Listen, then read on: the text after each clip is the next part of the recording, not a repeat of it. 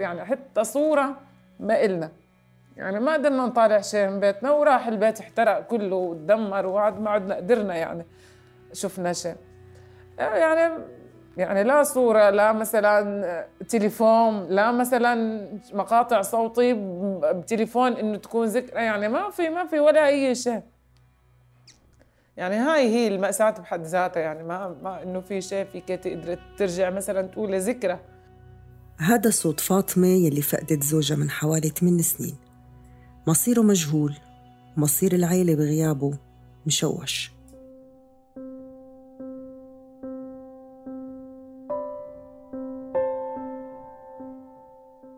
مرحبا معكم يارا صبري. بهي السلسلة من حلقات البودكاست رح نسمع من سوريات عم يعلوا صوتهم ليطالبوا بالحقيقة وبحقهم بالعدالة. رح يحكوا لنا عن مقربين إلهم انخطفوا أو اعتقلوا بسوريا ورح يثبتوا لنا أنه البعيد عن العين قريب من القلب.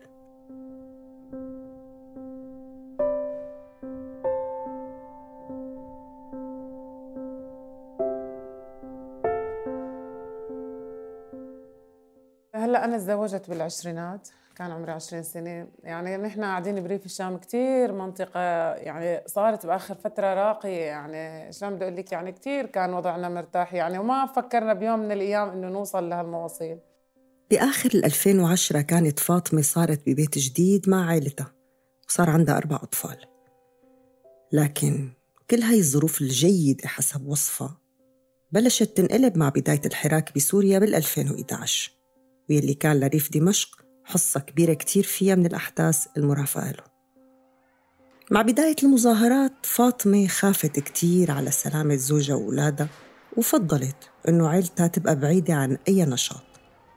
لكن يبدو بأنه عنف الأحداث ما ترك لهم أي خيار.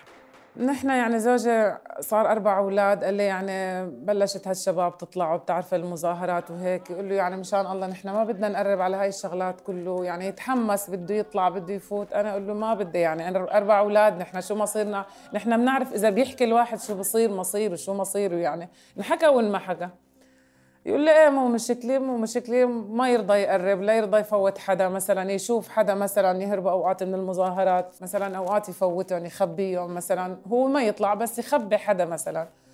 قل له خلص ما بدنا هالمشكلة لا بدنا نجع راسنا ولا بدنا من هالقصص يعني ما بدنا نوصل لمرحلة نندم عليها لأنه ما ما بيستهونوا بالواحد منوب يقول لي خلاص كل ما يجيب قصة يشي نعمل مشكلة مثلا نعمل مقاتلة. يعني والله العظيم أنا والاولاد إنه ما يعني ما قدراني على حملهم لحالهم إنه أكيد بدي يعني بيوم من الأيام إنه افقدك عارفة شو بدي مصيرنا. قام قال لي مو مشكلة. ويبدو إحساس فاطمة طلع بمحله. بشهر آب عام 2012 وأثناء مداهمات بالمنطقة عندهم كان في وشاية على زوج فاطمة. إنه عم يشتغل بأعمال متعلقة بالحراك والمعارضة وتم اعتقاله بعد عيد الفطر بأسبوع واحد. إيه واخذوهم وقتها حطوا لهم هيك الكنزهم هيك براسهم واخذوهم قلت لهم قلت لهم وقتها يعني ثلاثة أخذتهم من شان الله أنا كان أولادي صغار هذا عمره سنتين ونص وهذا عمره سنة وسبع شهور يعني فرق كثير قريب بين بعضهم قلت له طيب بس يعني أخذت الثلاثة بيقربوني. طيب اترك لي واحد بس.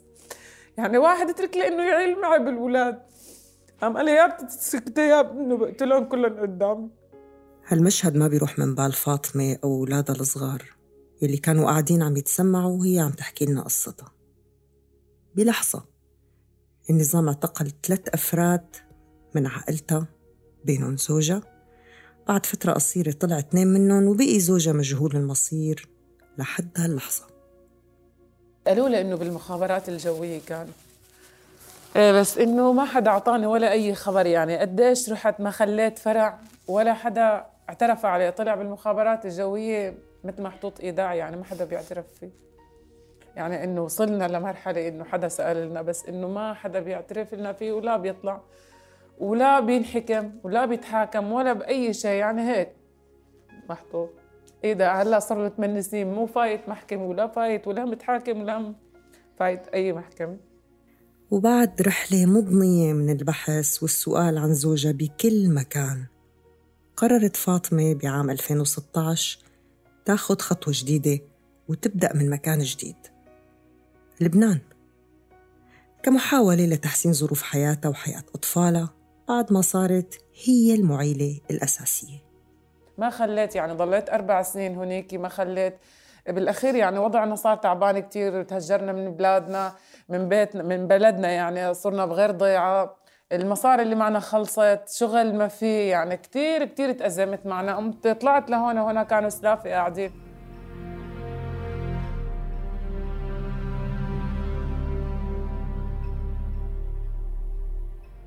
بلبنان الحياة مو سهلة أبدا بالنسبة لفاطمة. هي بالبداية كانت عم تفكر تبقى حياتها بين لبنان وسوريا لحتى تضل قريبة من زوجها وأخبار زوجها وتحاول تعرف أي شيء عن مصيره. وهذا موضوع حاولت كتير تشتغل عليه مع عدة جهات بدون أي نتيجة. هلأ في أكثر من حدا صار كل سنة تقريبا بيقولوا لنا روحوا على النفوس طالعوا إخراج قيد إله أم بيت حماية ما بيرضوا يطالعوا. قالوا لي خلص عايشين على أمل نحن بإذن الله يعني آه، نشوفهم إن شاء الله. يعني ما ما مو راضيين يطالعوا لأنه كل مين عم يطالع عم يقولوا إنه متوفين يعني. هن مو حابين يسمعوا هيك خبر عرفت؟ هلأ بالصليب الأحمر. الصليب الأحمر أنا حطيت له أكثر من مرة يعني من وقت ما إجيت 2016 حطيت له إنه ملفه إنه في بحث عنه في هذا ما ما اجاه الرد يعني تواصلت أكثر من حدا وبعرف حدا لحد الآن يعني. إنه بتواصل معها بتقول لي ما في أي رد يعني ما في رد عنه هاي المحاولات الكتيرة تضمنت حتى وصول فاطمة لبعض المنظمات والحركات يلي عم تطالب بمعرفة مصير المفقودين بالمحافل الدولية وعلى أعلى المستويات ومنها حركة عائلات لأجل الحرية. يعني مع برا على طول بضلوا على تواصل وبيضغطوا مثلا إنه شلون شلون بدي أقول لك يعني عم يعملوا كل الاحتمالات إنه يقدروا يضغطوا على حدا من أي وسيلة إنه يعرفوا بس شو وضع المفقودين يعني. ما يعني ما في لحد الآن ما عم نسمع أي خبر ما عم نشوف شيء يعني ملموس يعني إنه نعرف إنه شو مصيرهم. ما عم نعرف. اضطرت فاطمة تستقر بلبنان لحتى تقدر تسجل كلاجئة بالأمم المتحدة. هالشي بيساعدها تتحمل نفقات عيلتها وبنفس الوقت لحتى تلاقي شغل وتسجل ولادها بالمدارس. يعني صار علي علي دين. ما عاد تقدر ترجع. قلت لا بضل هون وعم باخذ من الأمم وبوفى ديني وما عاد تقدر ترجع.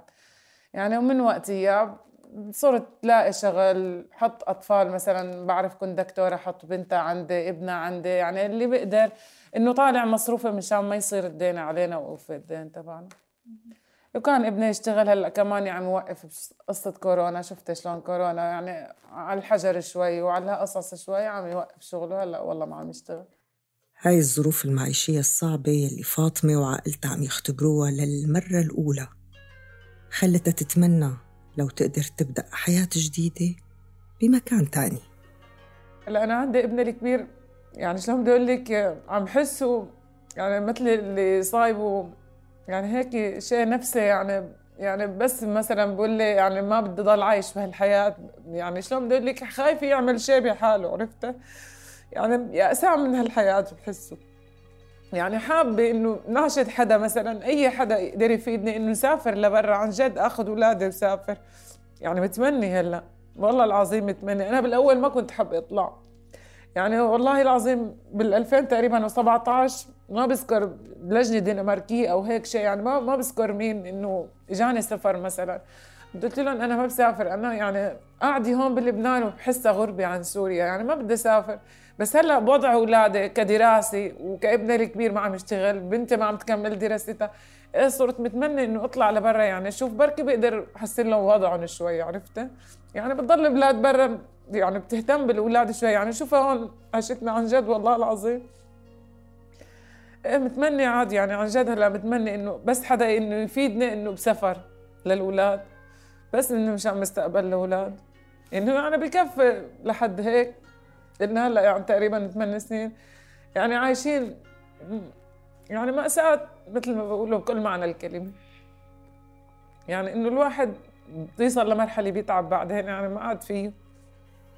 سألناها لفاطمة وكان ولادها مجتمعين حواليها. شو بتقول لهم لما يسألوه عن والدهم؟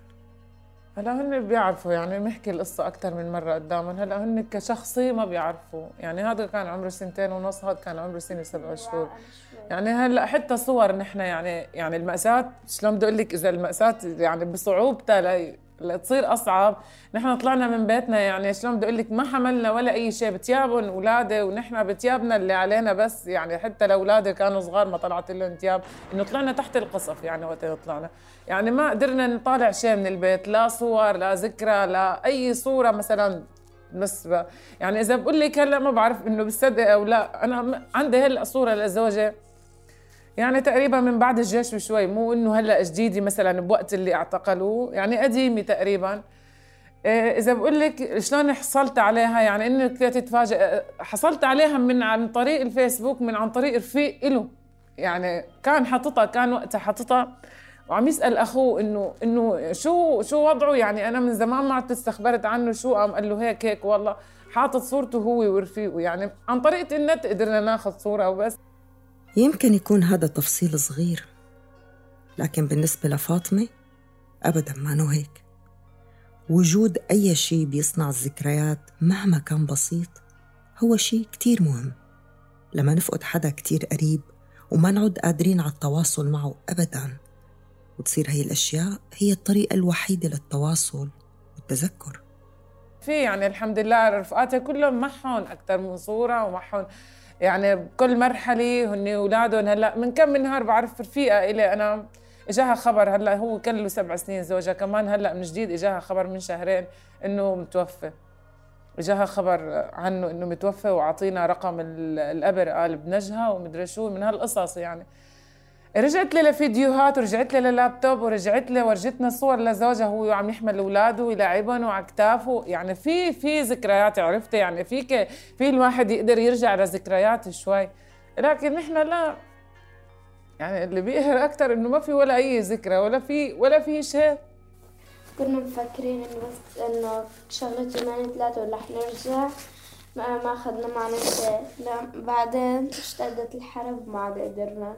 نرجع؟ يعني صابنا مثل أهالي فلسطين على أساس يومين وبيرجعوا كم سنة صار لهم؟ ونحن صرنا مثلهم.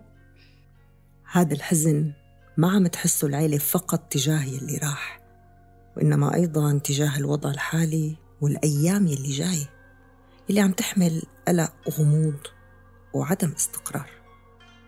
يعني هلأ نزلت بنتي على سوريا كمان ما نزلتها يعني النظام بس نزلتها تدرس لأنه صار ثلاث سنين يعني ثلاث سنين إنه بركتها يروح سنين عليها دراسة. خطرت ونزلتها. بيجوا بيقولوا لي بتح معي خلص حنخلي بنتك هون ورجعي أنت انزلي. قامت قالت لي بنتي نزلوني فوتوني على ضاعتنا يعني على ريف الشام على داريا قلت لي ماما وصلت على البيت غصت يعني ما بدي فوت. يعني كله دمار. قلت لهم اتذكر وين بابا كان قاعد. ما في حيطان حيطان يعني رماد. قلت لها بس انت ليش رحتي؟ يقولوا لي ارجعي. قلت لهم وين بدي ارجع؟ يعني شلون بدي ارجع وذكرياتنا كلها بالبيت؟ ما بقدر برجع. قلت لهم خلاص أنا ما عاد أرجع لسوريا. طبعا الأصعب بكل هي الحالة من الغموض والمستقبل المجهول هو عدم معرفة أي شيء عن مصير الأب لحد اليوم. ضمن كل المصاعب اللي عم تعيشها فاطمة وأولادها بضل هذا مطلبها الأول. مطلبها الأساسي. يرجع لجوزها أو تعرف هو وين موجود على الأقل. يعني نحن يعني نحن الوجع إنه يموت مثلا الشخص ما تعرفي وين وين قاعد يعني وين مدفون إنه بس يروحوا يزوروه مع المستقبل يعني باقي أولاده يصيروا يزوروه ما في يعني ما بتعرفي وين. وين وين بدهم يروحوا يزوروها يعني هاي صعوبة أكثر عن جد والله العظيم هاي صعوبة أكثر يعني أنا بقول يعني يعني لا استعراض على رب حكم رب العالمين. يعني يعني إنه إيه لو بنعرف أي خبر من أول ما بيروح بكون كان أريح. يعني مثلا إلنا وإله مثلا أو هو كمان ما يكون عم يتعذب. يعني الله أعلم بحاله. لأنه في كثير مات عالم تحت التعذيب. يعني وبنعرف قصص. ويطلع حدا مثلا ويحكي عن حدا إيه مات تحت تعذيب. أو مثلا وباء أو وجع أو مرض وما يتعالج. يعني كمان هاي يصير.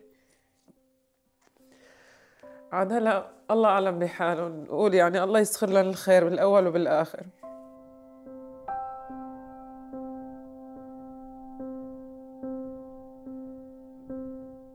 فاطمة اليوم عايشة مع أولادها ببيت صغير عم تشتغل. تحاول تأمن معيشة عائلتها. ودعنا فاطمة والولاد وابنها الصغير عم يقول فتشوا كل البيت وما لقوا أسلحة. بأي أسلحة رح يقتلون ذكرى هداك اليوم ما بتغيب عن بال الكل. على أمل يرجعوا يلتقوا بأبوهم يوما ما. هو بعيد عن العين بس باقي بالقلب.